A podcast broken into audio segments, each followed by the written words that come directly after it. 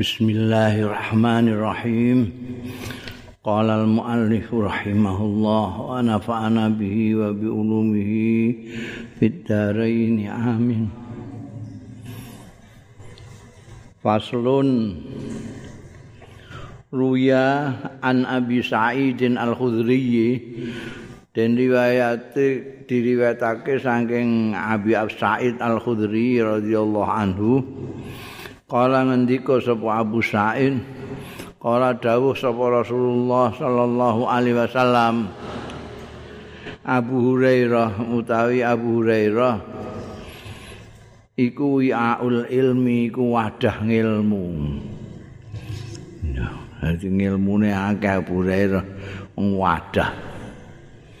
Iku iku pernyataane Kanjeng Rasul sallallahu alaihi wasallam wa an Muhammad bin Qais bin Makhramah bin Makhramah ta'ana rajulan jaa Zaidun bin Thabit hmm? piye kok ngene ora Iya, ana ana rajulan. An Muhammadin bin Qais bin Makhramah ana rajulan ngono. Eh? Nggih. Kok padha ngono ana suah nuskahmu itu.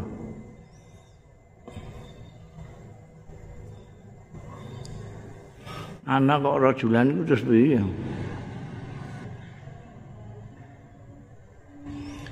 Ora ana alipe ya. Ana alipe pokok wae. Eh, buak eh, repot-repot itu. Ana iku manane ingsun. Nek ana iku setuhune. Iku wae kok melok ketularan ngono nuskahmu iku. Eh? Heh? Betul ana lipe. Lah kowe mau muni ana lipe. Gak ana alipe iku sing bener. Dadi wekmu gak ketularan wekku nek ngono iku nek ora ana alipe, kowe muni ana alipe. Ngarepe ana hamzah ana. Dadi ora ana alipe ngrepoti nek ana rajulan ana iku manane ingsun. Anna iku ragean iso diwaca. Anna setuhune. Anna rajulan setuhune wong lanang. Wis kepenak-kepenak ngono kok dikeki ali bareng kula omong. Bahasa Arab itu gak kena mbok wae sithik iku uh, ning dinti kok. Maknane iso beda, iso ngelokno ngelokno iku saka ngelu, ngelokno wong sing maca. Anna, anna, setuhune anna rajulan, setuhune wong lanang, iku jaa teko Zaid bin Sabitin dadi iso kepenak diwaca iku. Sowan sapa raja Zaid bin Sabitin ing Zaid bin Sabit fasaalahu mongko nyuwun pirsa ya rajulan hu ing Zaid bin Sabit ansaiin tentang sesuatu hal ana wong lanang takok ning ngene sahabat Zaid bin Sabit tentang sesuatu. Faqala mongko dawuh sapa Zaid bin Sabit lahu marang rajulan sing takon la ana Zaid ning guri Faqala mongko dawuh lahu marang rajul sapa Zaidun Zaid bin Sabit. Dasar kadang-kadang ngono iku nek dilahirno neh mesti kadang-kadang didomirno kadang-kadang dilahirno. Ya sak karepe sing muni. Sing maca sing kudu ngerti. Faqala lahu zaidun. Nek maca aja kesusu. Faqala mongko dawuh lahu marang rajulan sapa zaidun? Zain. Alaika bi abi hurairah. Nah, cepono sira bi Abi Hurairah tak lawan Nabi Hurairah. Ana sing nyuwun pirsa ning sahabat Zaid bin Sabit dikandani kon takok Abu Hurairah wae. Ana gune Abi Hurairah kono. Kok ngoten? Fa innahu maustune kelakuan baina ana alikane ingsun wa Abu Hurairah talan Abu Hurairah wa fulanun lan seseorang lagi yang namanya enggak saya sebutkan. Mbah lali, mbah anu Zaid bin Sabit itu makanya terus disebutkan ana wa Abu Hurairah wa fulanun dan fulan. Fil masjid ing dalam masjid data yaumin ing dalam suwijining dina. Nat'u nat'ullah wa nadhkuru rabbana lan ndonga kita Allah ing Gusti Allah wa nadhkuru lan zikir kita rabbana ing pangeran kita. Kita baru saja saya Abu Hurairah dan seseorang lagi fulan di masjid itu sedang dungo-dungo lagi zikiran. Dan kharaja alaina. Miyos alaina ing atas kita sapa Rasulullah Kanjeng Rasul sallallahu alaihi wasallam hatta jalasa ilaina sehingga pinarak ya Kanjeng Rasul sallallahu alaihi wasallam ilaina marang kita. Datang terus duduk-duduk bersama kita.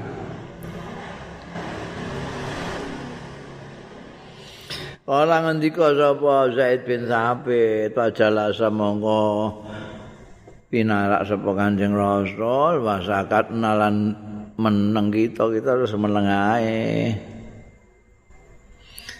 Bareng Kanjeng Nabi miyos, Kanjeng Nabi kan tanggane masjid.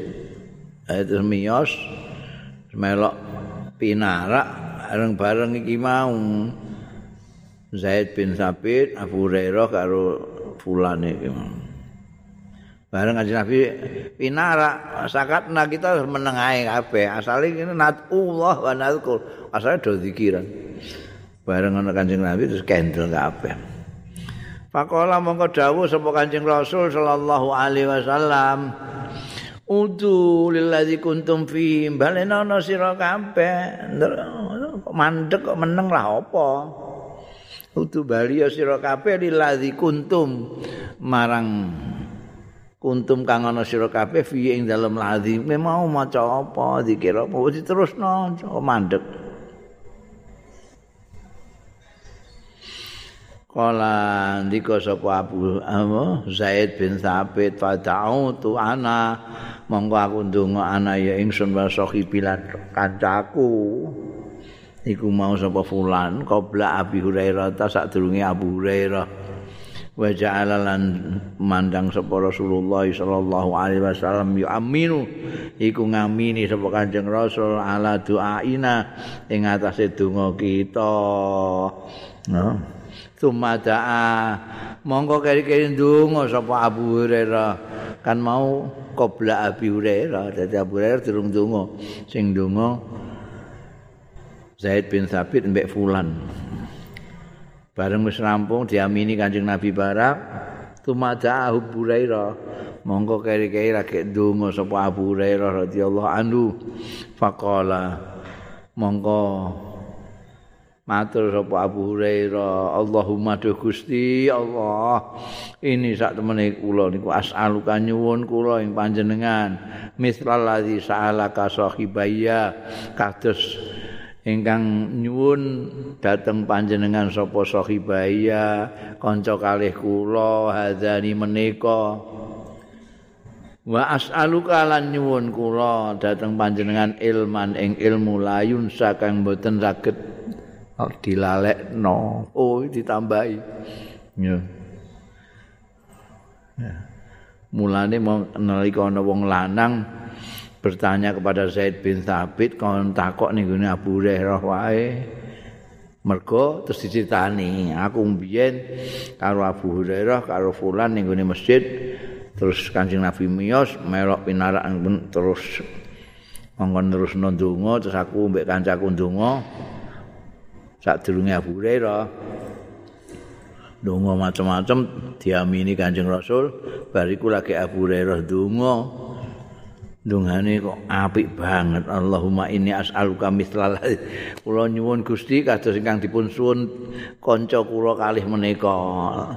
Lan nyuwun dhateng panjenengan diparingi ilmu sing boten saged dipun lalekaken dadi duwe ilmu gak lali blas apa Iku sing dicekeli ya Zaid bin Sabit. Dadi ilmune akeh iku. Nek kowe takok macam-macam takok ning Abu Hurairah. Mergo apa? Ora kok soal dungane faqala Rasulullah ngoda sapa Kanjeng Rasul sallallahu alaihi wasallam amin. Diamini Kanjeng Rasul. Berarti Abu Hurairah duwe ilmu sing ora bisa lupa. Eh? Wong duwe ilmu kan lali nek ora saiki laline ya sesuk gak sesuk sesuk eneh kan rong tahun kas lali ngono ilmu nek gak dilalar ora terus dinggo iku iso lali. Sahabat Abu Hurairah ora mergo dungane diamini Kanjeng Rasul sallallahu alaihi wasallam. Nalika iku wah aku gak donga ngono ya. Kulna aku matur, aku mbek kancaku terus matur ya Rasulullah. Duh Kanjeng Rasul, wa nahnu nasallah. kami berdua juga nas'alu nyuwun Allah ing Gusti Allah ilman ing ilmu layun sas ing boten terlupakan.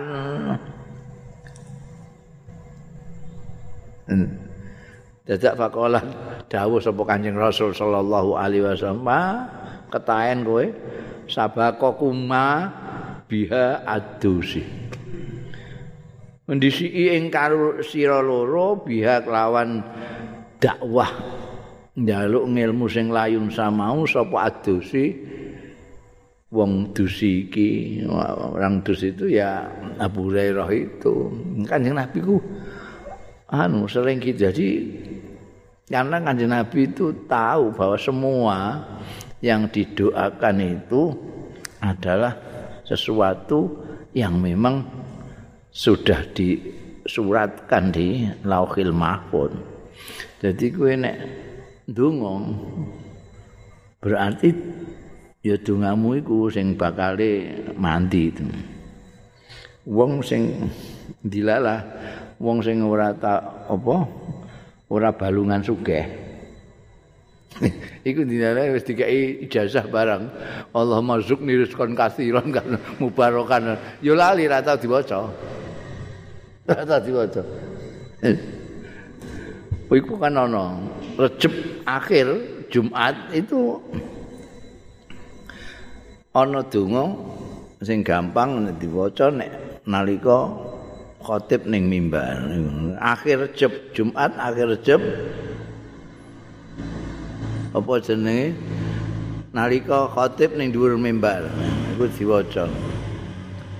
Nek mbok waca kowe iku selama setahun ora tahu kesepen duit. Mesti duit duit. Mbah sewu, mbah rong ewu, mesti duit duit. Nah, aku tahu ngijazahi tamu-tamu pirang-pirang ngono iku. Iku lali kabeh tamu-tamu ini. Loh, rejepo wis iki saban. Padahal wis dieling-eling. Wis ora ora ora bakat duit-duit terus. Iya, ini kan Nabi itu sering Jadi bantu ngomong ini terus ana sing usul guri, kula ah disian kowe. Kaya apa? Ukasah juga tahu ndonga ngono terus ana sing nusul kula nderek ndonga. Ah wis kedisian. Artinya memang ora bejanean sing di garisno duwe ilmu tak terlupakan itu Abu Hurairah saja. ngono. Iki harus sahabat liyane iki arep nyuwun kaya iku mergo tertarik wah iya aku mau gak jaluk ngono ya. Bareng krungu sahabat Abu Hurairah ndonga ngono diamini Kanjeng Rasul sallallahu alaihi wasallam. Terus melok-melok wa nahnu nas'alullah ilman la yunsa. Kowe Kanjeng Nabi, wah seketain kowe sapa kok kuma biya adus. Jadi kira bakat mulane ketika ada orang bertanya kepada Zaid bin Sabit tentang sesuatu dikongkon alaika bi Abi Hurairah ta. Kono niku Abu Hurairah wae sing ngilmune akeh ora iso lali dongakno diamini Kanjeng Nabi. Ya.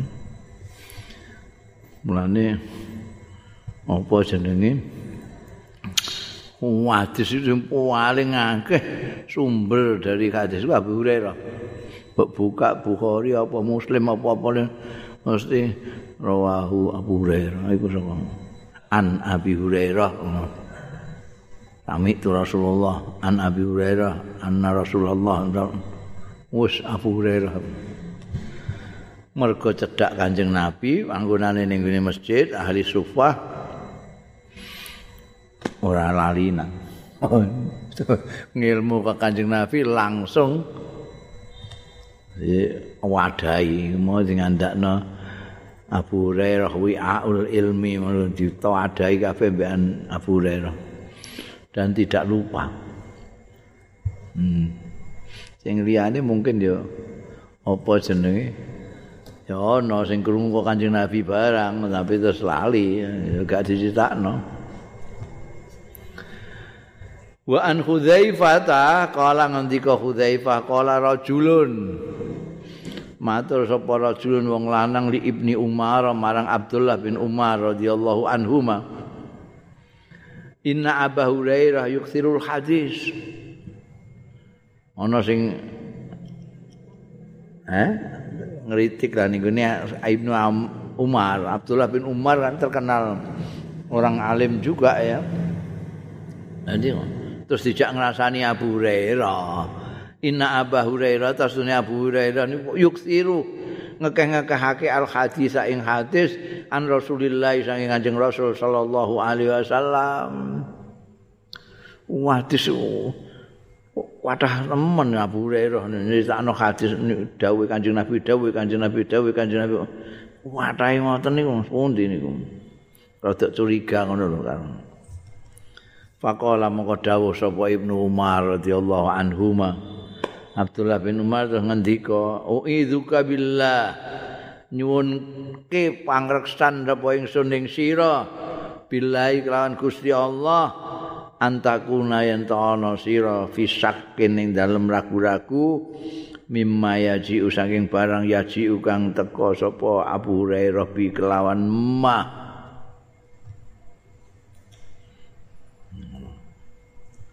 Ini anune ya cara Ibnu Umar itu ngandani wong juga gitu oh bentuk kowe gak ngono Hurairah bukan ngono, gak ngono tapi itu kabillah. Kowe tak jalukno perlindungan sama Gusti Allah. Jo ngantek kowe meragukan apa yang disampaikan oleh Abu Hurairah. Walakinnahu istara'a wajabunna. Soalnya angan tetapi Abu Hurairah kuwi istara'a wani.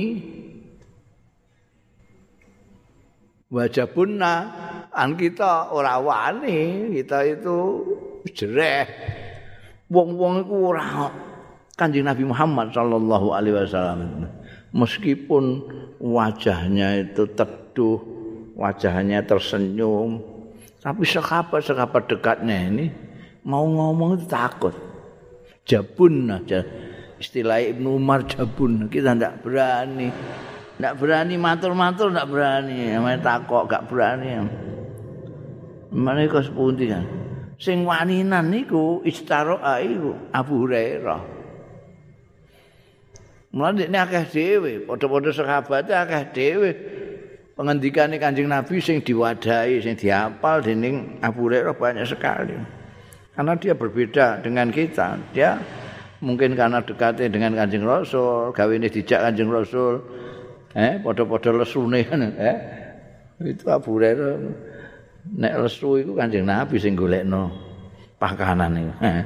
Nah ya ya kowe kok tamu mbok templekno niku lemah iku lah apa? Hmm mboten mboten apa? Lesu eh? Nggih Hah, ayo golek-golek pakanan yuk ngono. itu jadi dia berani ngomong baik kanjeng Nabi. Biar ning kene ana apa santrine Allah yarham abah iku Walid Kiai Bisri Mustafa iku ana santrine sing waninan rokak takok wani liyane diingeti abangane sembelayu wedi ana di pentelengi terus ngompol barang ana santri ku biyen ki bisi ku wangger ngono. Tapi ana siji sing waninan. Jadi dadi kiai dhisik dhewe. Lurah lurah pondok iku. Kiai Wildan Abdul Hamid Kendal itu. Iku biyen wani ngomong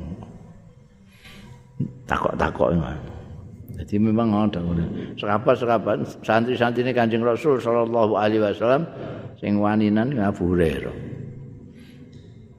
Ibnu Umar dhewe ngakoni nek jabun kita ndak berani. Nek gak didhawuhi ya ora. Hmm. Wibawane Kanjeng Nabi nggambarno itu nek ngadep Kanjeng Nabi itu kaya-kaya di atas kepalanya serabat-serabat itu kaya ana manuke. Kira-kira piye nek sirahmu ning kene ana manuke mentrok. Kira-kira piye? Rambekan. ben gak mabur iki ya mbok cekel manuk mbok cekel nek kowe ambekan jadi mabur jadi bekengkeng ngempet ambekan itu gambarannya sahabat nek madep kanjeng nabi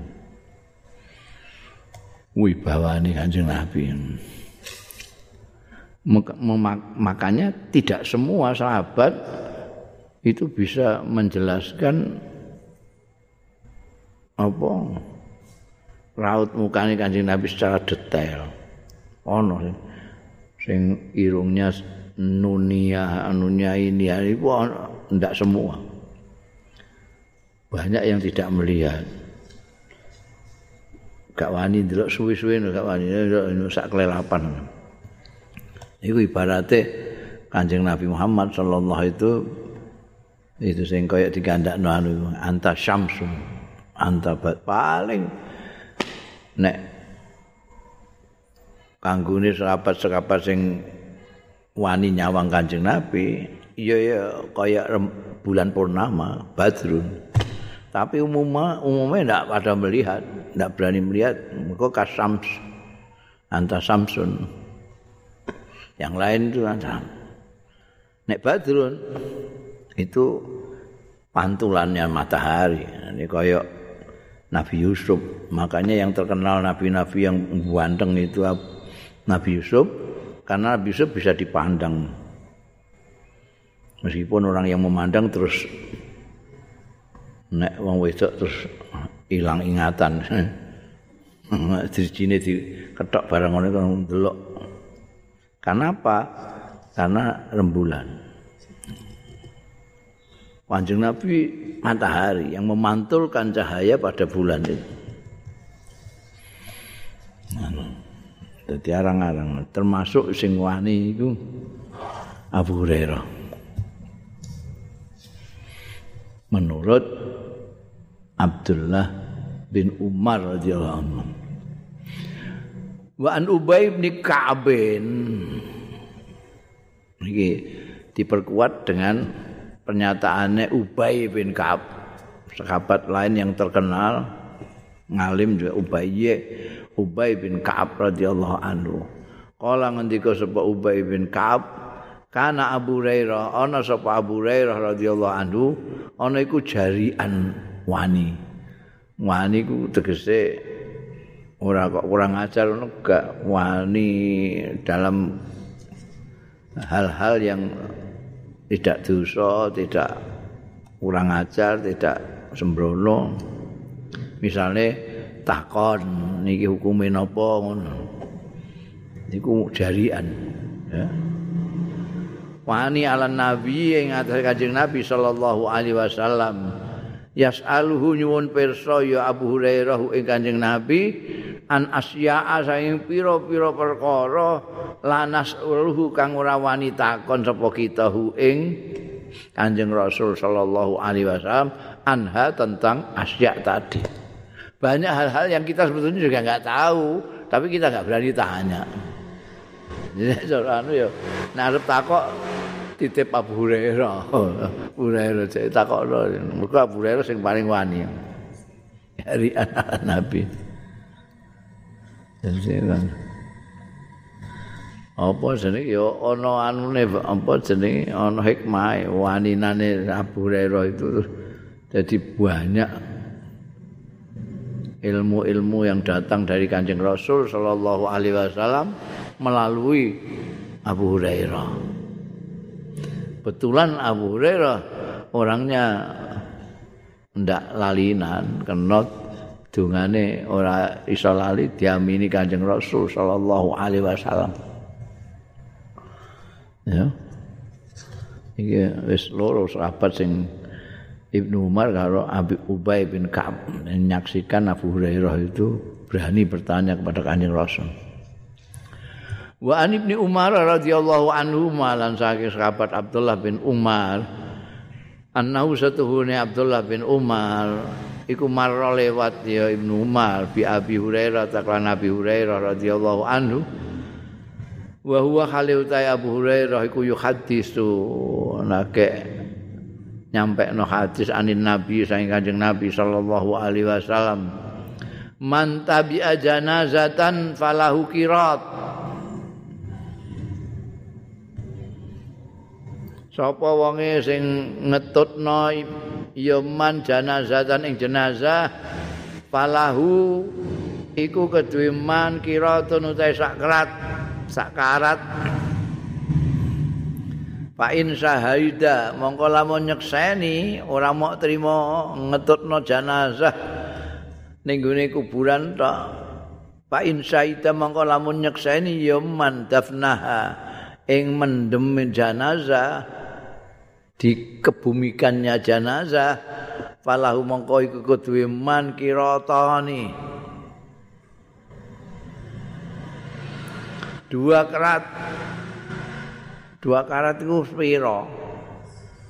Al kiratu ta sak kirat iku a'dhamu luwih gedhe min uhudin saking gunung uhud.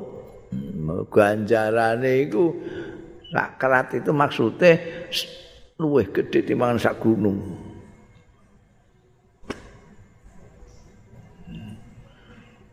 Iku ketoke kok Kanjeng Nabi kok ngendika ngono lho. Ngono kok Wah, aku kerat-kerat barang. Fakola Ibnu Umar, oh ngendika sapa Ibnu Umar, ya Abu Hurairah tahi Abu Hurairah. Undur ma tuhaditsu bi an Rasulillah. Saya delok nama barang tuhaditsu sing Ditakno sira bi kelawan ma'an Rasulillah saking Kanjeng Rasul sallallahu alaihi wasallam mau kok ana dawuh kanjeng Nabi mantabi aja nazatan falahu qirat fa in saida dafnaha falahu qiratani al qiratu a'zam min uhud. Eh piye iku? Tenan ta ora? Maka momoko jumeneng ilaihi Abu Hurairah hmm? Mau jumeneng ilahi marang Ibnu Umar sapa Abu Hurairah hatta intalaqa ila Aisyah sehingga tumeka sapa bin Umar ila Aisyah ta maring Sayyidatina Aisyah radhiyallahu anha faqala mongko matur sapa Ibnu Umar laha maring Siti Aisyah. Ya ummal mukminin. Duh ummal mukminin. Ansudukal ansudukillah mohon kula ing panjenengan Allah ing Gusti Allah. Iku ansudukallah ansuduka atau ansuduki atau ansudukum itu artinya memohon dengan sangat. Ansudukallah kula pengen mireng asami ti asami ti napa panjenengan nate mireng?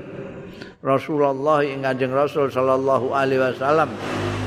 Yaqulu ingkang dawuh ya Kanjeng Rasul man tabi'a janazatan fa 'alaiha falahu qirat wa in syahida dafna falahu qiratani non jenengan nate mireng Kanjeng Rasul dawuh sapa wong sing ngetutno janazatan ing jenazah.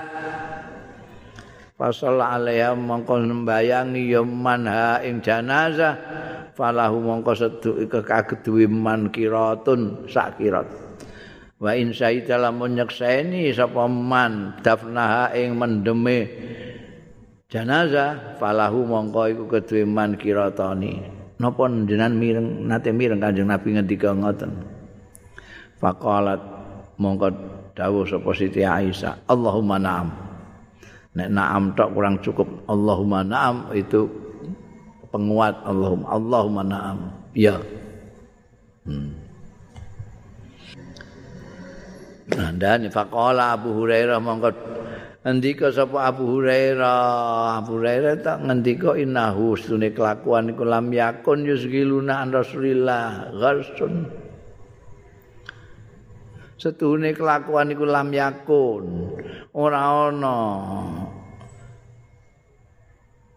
Iku yusghiluna nyibukake ing ingsun an Rasulillah saking Kanjeng Rasul sallallahu alaihi wasallam. Apa gharsun? Nandur-nandur wala safkun lan transaksi-transaksi fil aswaki ana ing pasar-pasar. Wa inna ma kuntu angin pestina ana sapa ingsun iku atlubu nyuwun sapa ingsun min Rasulillah sallallahu alaihi wasallam. Kalimatan ing kalimat yu'allimaniha sing mulang sapa Kanjeng Rasul sallallahu alaihi wasallam ing ingsun ha ing kalimat au aklah utawa nyuwun aklatan ing sak puluhan sak daharan. Yutimi yudaimuniha sing maringi daharan sapa Rasulullah sallallahu alaihi wasallam ing ingsun ha ing aklah.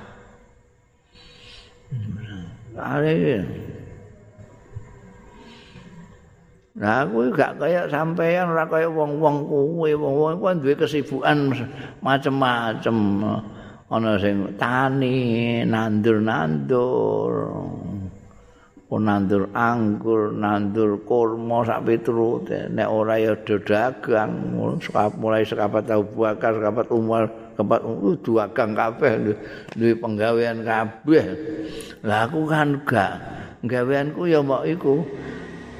Njaluk sak kalimat dua kalimat Kanjeng saka Kanjeng Nabi utawa njaluk tak puluhan dua puluhan Kanjeng Nabi. Penggaweane nyuwun ngilmu mbek nyuwun mangan. Iku sahabat Abu Hurairah gak ndek. Apa kesibukan apa? Apa kaya wong-wong kesibukan ya sik kemau eh ganggu kancing nabi nyuwun ngilmune nyuwun daharane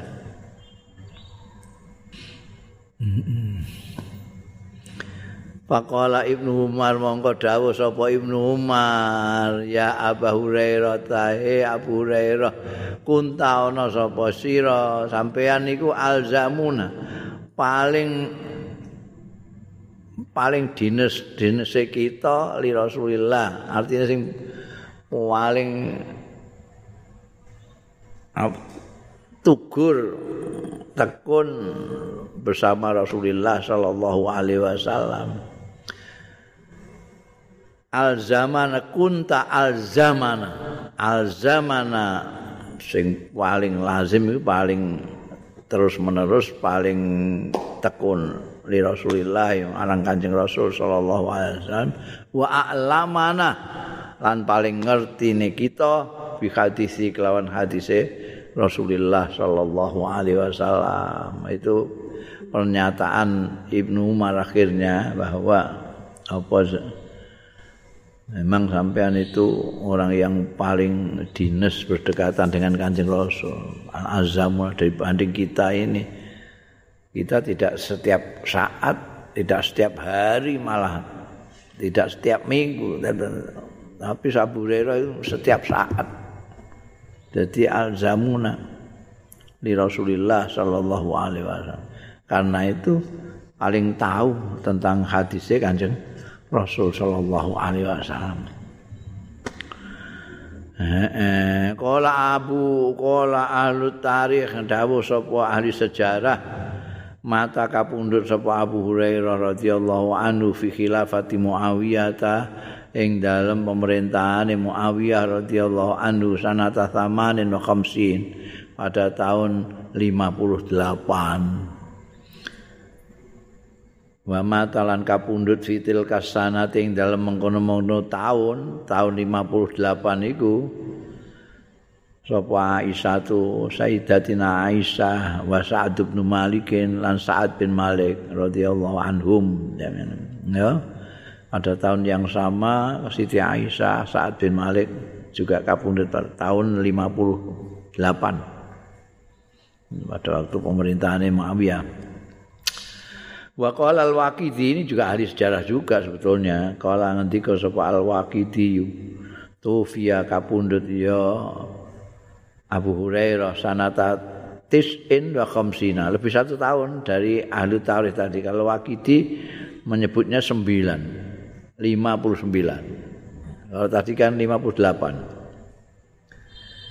Fi akhiri imarati Muawiyah ing akhire pemerintahane Muawiyah radhiyallahu anhu sudah mau berakhir Muawiyah. Wa kana lahu wa kana lan ana lahu. Iku kedue sahabat Abu Hurairah yaumatu fiya nalikane kapundhut. Ya Abu Hurairah apa samanun wasabuna sanatan yuswa pitung puluh wolu. Apane sanatan tahun ketika wafat Abu Hurairah itu berusia 78 tahun. Kala ngendika sapa Waqidi wa Walid bin Utbah.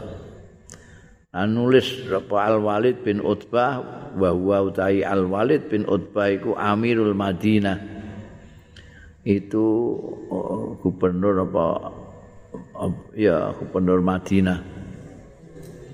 Pimpinan Madinah itu artinya gubernur nek cara saiki ini. Gubernur Madinah nalika iku Al Walid bin Utbah. Nyurati ning gone ila Muawiyah tamarang presiden kepala negara ni Muawiyah raja. Ila Muawiyah radhiyallahu anhu yukhbiruhu ngabari sapa Al Walid ini ada sahabat besar wafat Abu Hurairah. Nyurati Muawiyah. Muawiyah itu ibu kota anune ning gone Syam kan ning Syam. Al Walid gubernur ning Madinah. Nyurati Muawiyah yukhbiru ngabari sapa Al Walid hu ing Muawiyah bimauti Abi Hurairah kelawan kapundute sahabat Abu Hurairah memberitakan Abu Hurairah wafat.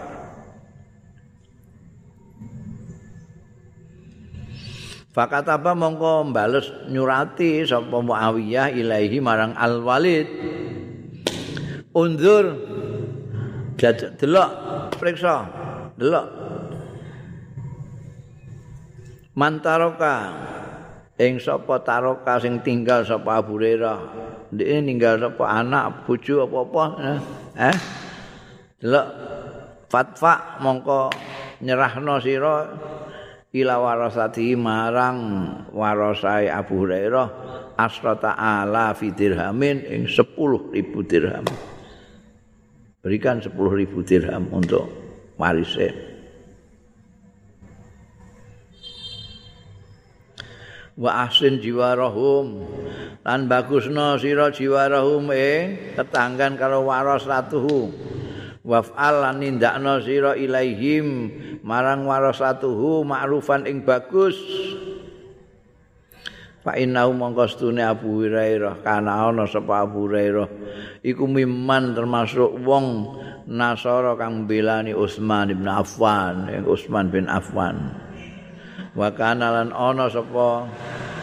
Abu Hurairah iku ma'ahu sartane Utsman fidari ing dalem oma Muawiyah itu kan masih sak rumpun sampai Utsman bin Affan. Dan sing makna dia enggak mbak Sayyidina Ali kan karena Sayyid pembunuh Sayyidina Utsman belum diadili.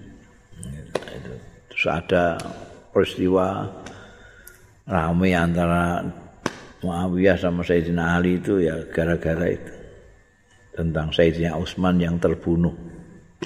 Dan dia tahu bahwa Abu Hurairah pada bukan hanya Abu Hurairah ya, Abdullah bin Umar, Abdullah bin Abbas semualah eh, Al Hasan wal Husain putranya Sayyidina Ali sendiri semuanya ada di rumahnya Sayyidina Utsman itu jaga nih. Tapi tidak kuwowo karena pemberontaknya sangat banyak yang dari Mesir mau membunuh Sayyidina Utsman. Tapi saja Muawiyah masih iling bahwa Abu Hurairah pernah bilani Sayyidina Utsman. Mulane warise dikirimi kongkon gubernure kon menehi 10.000 dirham. Faslun. Ruya an Abi Hurairah dan riwayatake saking sahabat Abi Hurairah radhiyallahu anhu anna Rasulullah satune Kanjeng Rasul sallallahu alaihi wasallam. Qala lahu dawuh sapa Kanjeng Rasul sallallahu alaihi wasallam lahu marang Abu Hurairah Ala tas'alni min hadhil ghanaim ala tas'aluni ashabuka ana ta ora njaluk sampean sing dingendikani sak Abu Hurairah ala tasalni ana ta ora njaluk sampean ing ingsun min hadzil ghanaimi saking iki-iki ghanimah ghanimah rampasan perang ini. Alati asal yasaluni. Sing do njaluk ing ingsun sapa ashabuka kanca-kancamu. Kowe kok gak njaluk dhewe kaya kanca-kancamu ngono njaluk bagian ghanimah.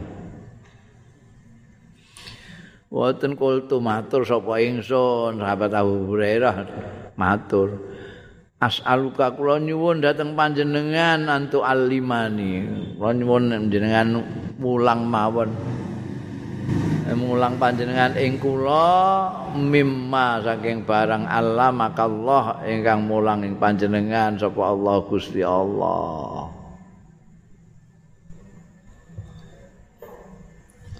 Itu kula nyuwun mawon nyuwun ilmu jenengan mawon sing dipun paringi Gusti Allah niku kula cekap niku mawon ben sanjal panazaa mongko nglolos sapa Kanjeng Rasul sallallahu alaihi wasallam namiratan ing amira itu kain apa? Lurik kain yang bergaris-garis kaya macan.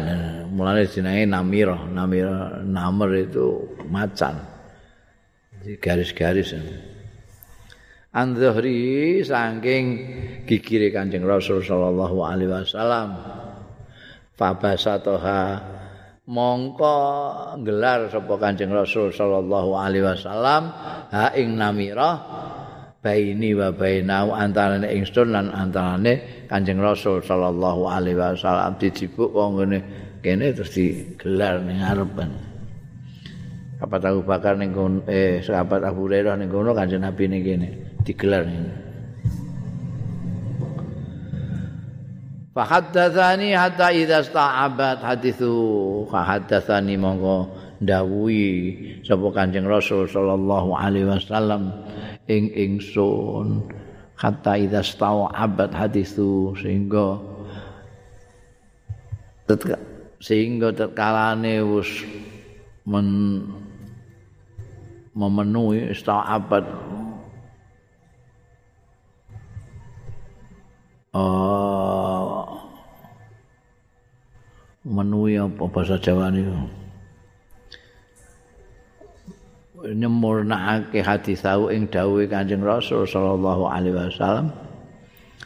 Di semua di, disampaikan semua sempurna, semua apa itu sudah mencakup semuanya. Kala dawuh sapa Kanjeng Rasul sallallahu alaihi wasallam, ijma'ha Umpulna sira. Iki sing tak dawuh-dawuhne iki dikumpulna padem padum mongko.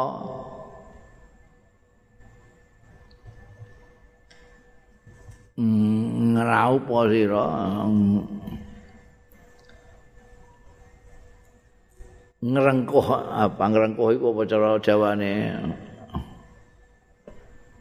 eh apa ngrengkuh hmm kelompokno terus hmm, ngene apa merengkuh itu kalau begini ngumpulno ngumpulno terus direngkuh dumma ilaika marang situ dumma itu mesti kepada yang merengkuh itu.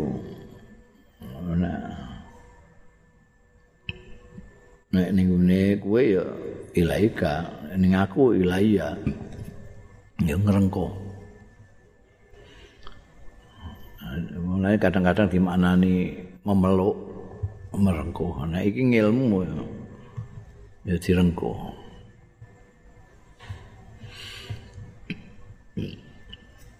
Nah saya nek ndelok ning kene ana ana hane ya ijma'a fadummaha ilaika itu balike ning namira Jadi kaya-kaya kancing Nabi ngendika itu kayak diadai nih gini namira sing digelar iku mau. Wes saiki kumpulno rengkuh gawa. Fa asbahtu mongko dadi sapa ingsun iku laus kitu. Ora gugurna sapa ingsun harfan ing sak huruf wae mimma saking barang haddatsanihi sing ndawuhi sapa Kanjeng Rasul ing ingsun ing ma. Yo gak ana sing kecer blas lah. Oh kabeh tak wadahi kabeh. Apa sing didhawuhno Kanjeng Nabi hatta istawa hadithahu. Berarti pancen pancen istimewa Abu Hurairah ini perkara ilmu ya. Ilmu sing kok Kanjeng Nabi Muhammad saka eh ana ahli hadis itu ya yang pertama kali ya Abu Hurairah ini. Di Kanjeng Nabi pirang-pirang Wa an Abi Hurairah radhiyallahu anhu qala ngendika Abu Hurairah ataitu Rasulullah sawan sapa ingsun Rasulullah ing Kanjeng Rasul sallallahu alaihi wasallam. Bitamaraten kelawan beberapa kurma. Kultu matur sapa ingsun Udullah kula aturi ndonga panjenengan ing Gusti Allah. Li kangge kula fihi ing dalem tamarat menika bil barokati kawan berkah. Ya. Nggo kurma beberapa disowanno Kanjeng Nabi disuwunna donga berkah. Nung Kanjeng Nabi yo ngadeni pada donga Kanjeng Rasul sallallahu alaihi wasallam Wa qala lan dawuh sapa Kanjeng Nabi, khudhunna ngalapo sira ing tamarat. Eh saiki jikuen faj'al hunna mongko ndadekno sira ing tamarat fi misbatin ing dalem wadah. Wadah sing biasa dinggo sangu-sangu wong lelungan iku lah. Fa apa rangsel apa apa fa asbah. Fa iza asbah ta mongko tatkalane isu-isuan sira fa'adkhil mongko nglebokno sira yadaka ing tanganmu tanganira wala tuntir nasron aja mbok sebar-sebarno. Nanti cekel aja mbok. Nanti mbok jangan kamu serak serak serak serak itu apa berserakan itu jadi kecer-kecer no ah.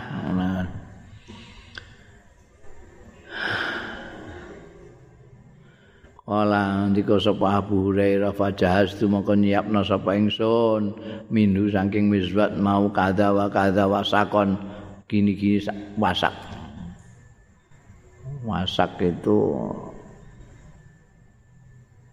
apa jenenge ukuran takeran Jadi nek anu ya kira-kira bangsa iman enam katinan ngono. Fisabilillah ing dalam dalane Gusti Allah taala. disiapno kanggo fisabilillah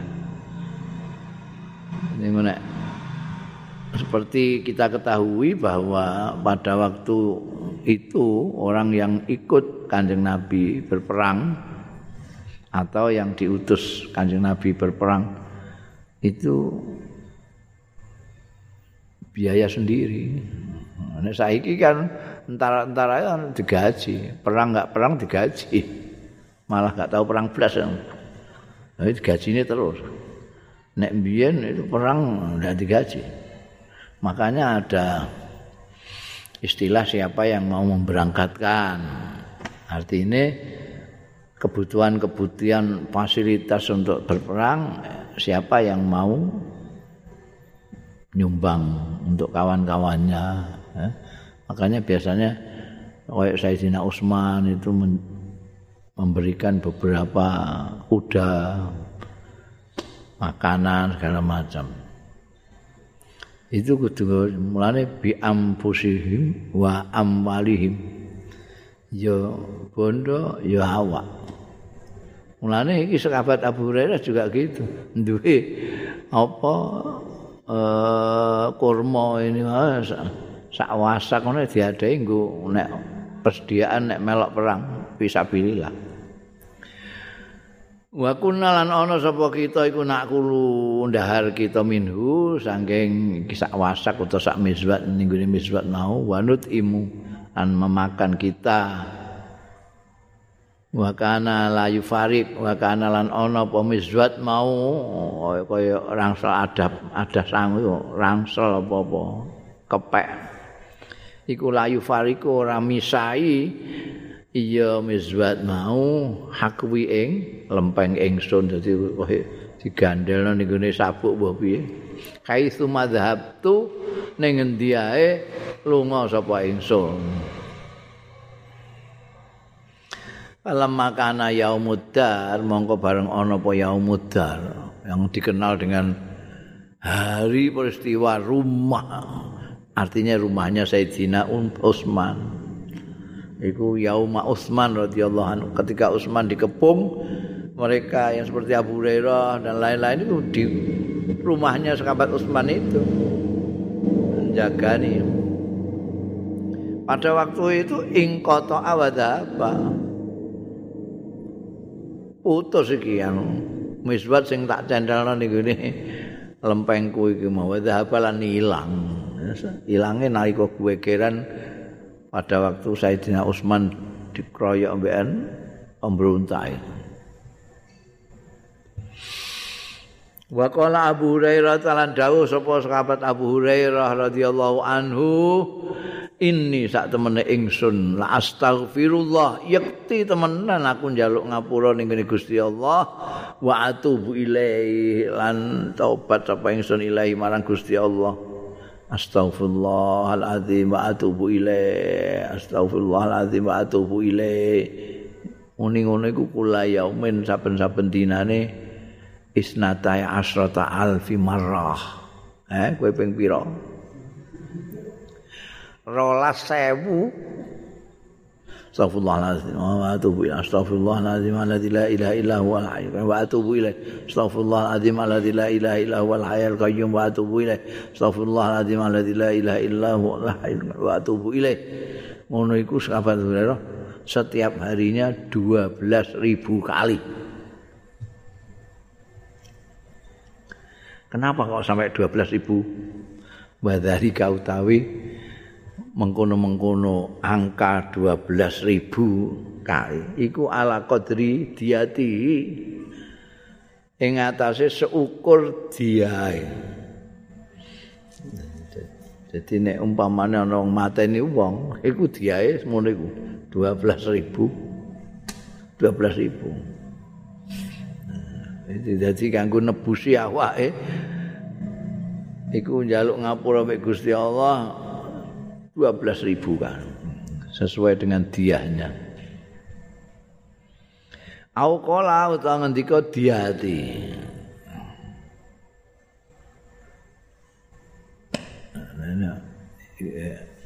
Awu ini sakun sekara wine ya nek diati ku dawuh Abu Hurairah wa ala qadri diyatihi. Itu yang sing menceritakan dawe Abu Hurairah ya. Tidak masuk dalam dawe sahabat Abu Hurairah. Ya, sing penting bahwa setiap hari itu sahabat Abu Hurairah itu istighfar dan jaluk tobat ya Gusti Allah itu 12 ribu. Seperti diatnya dia jadi awak itu regane semono kuwi. 12 ribu sehari. Masya Allah we ping 10 hai buanggamu ra karuan. Zikru Ubadah bin Samit wallahu a'lam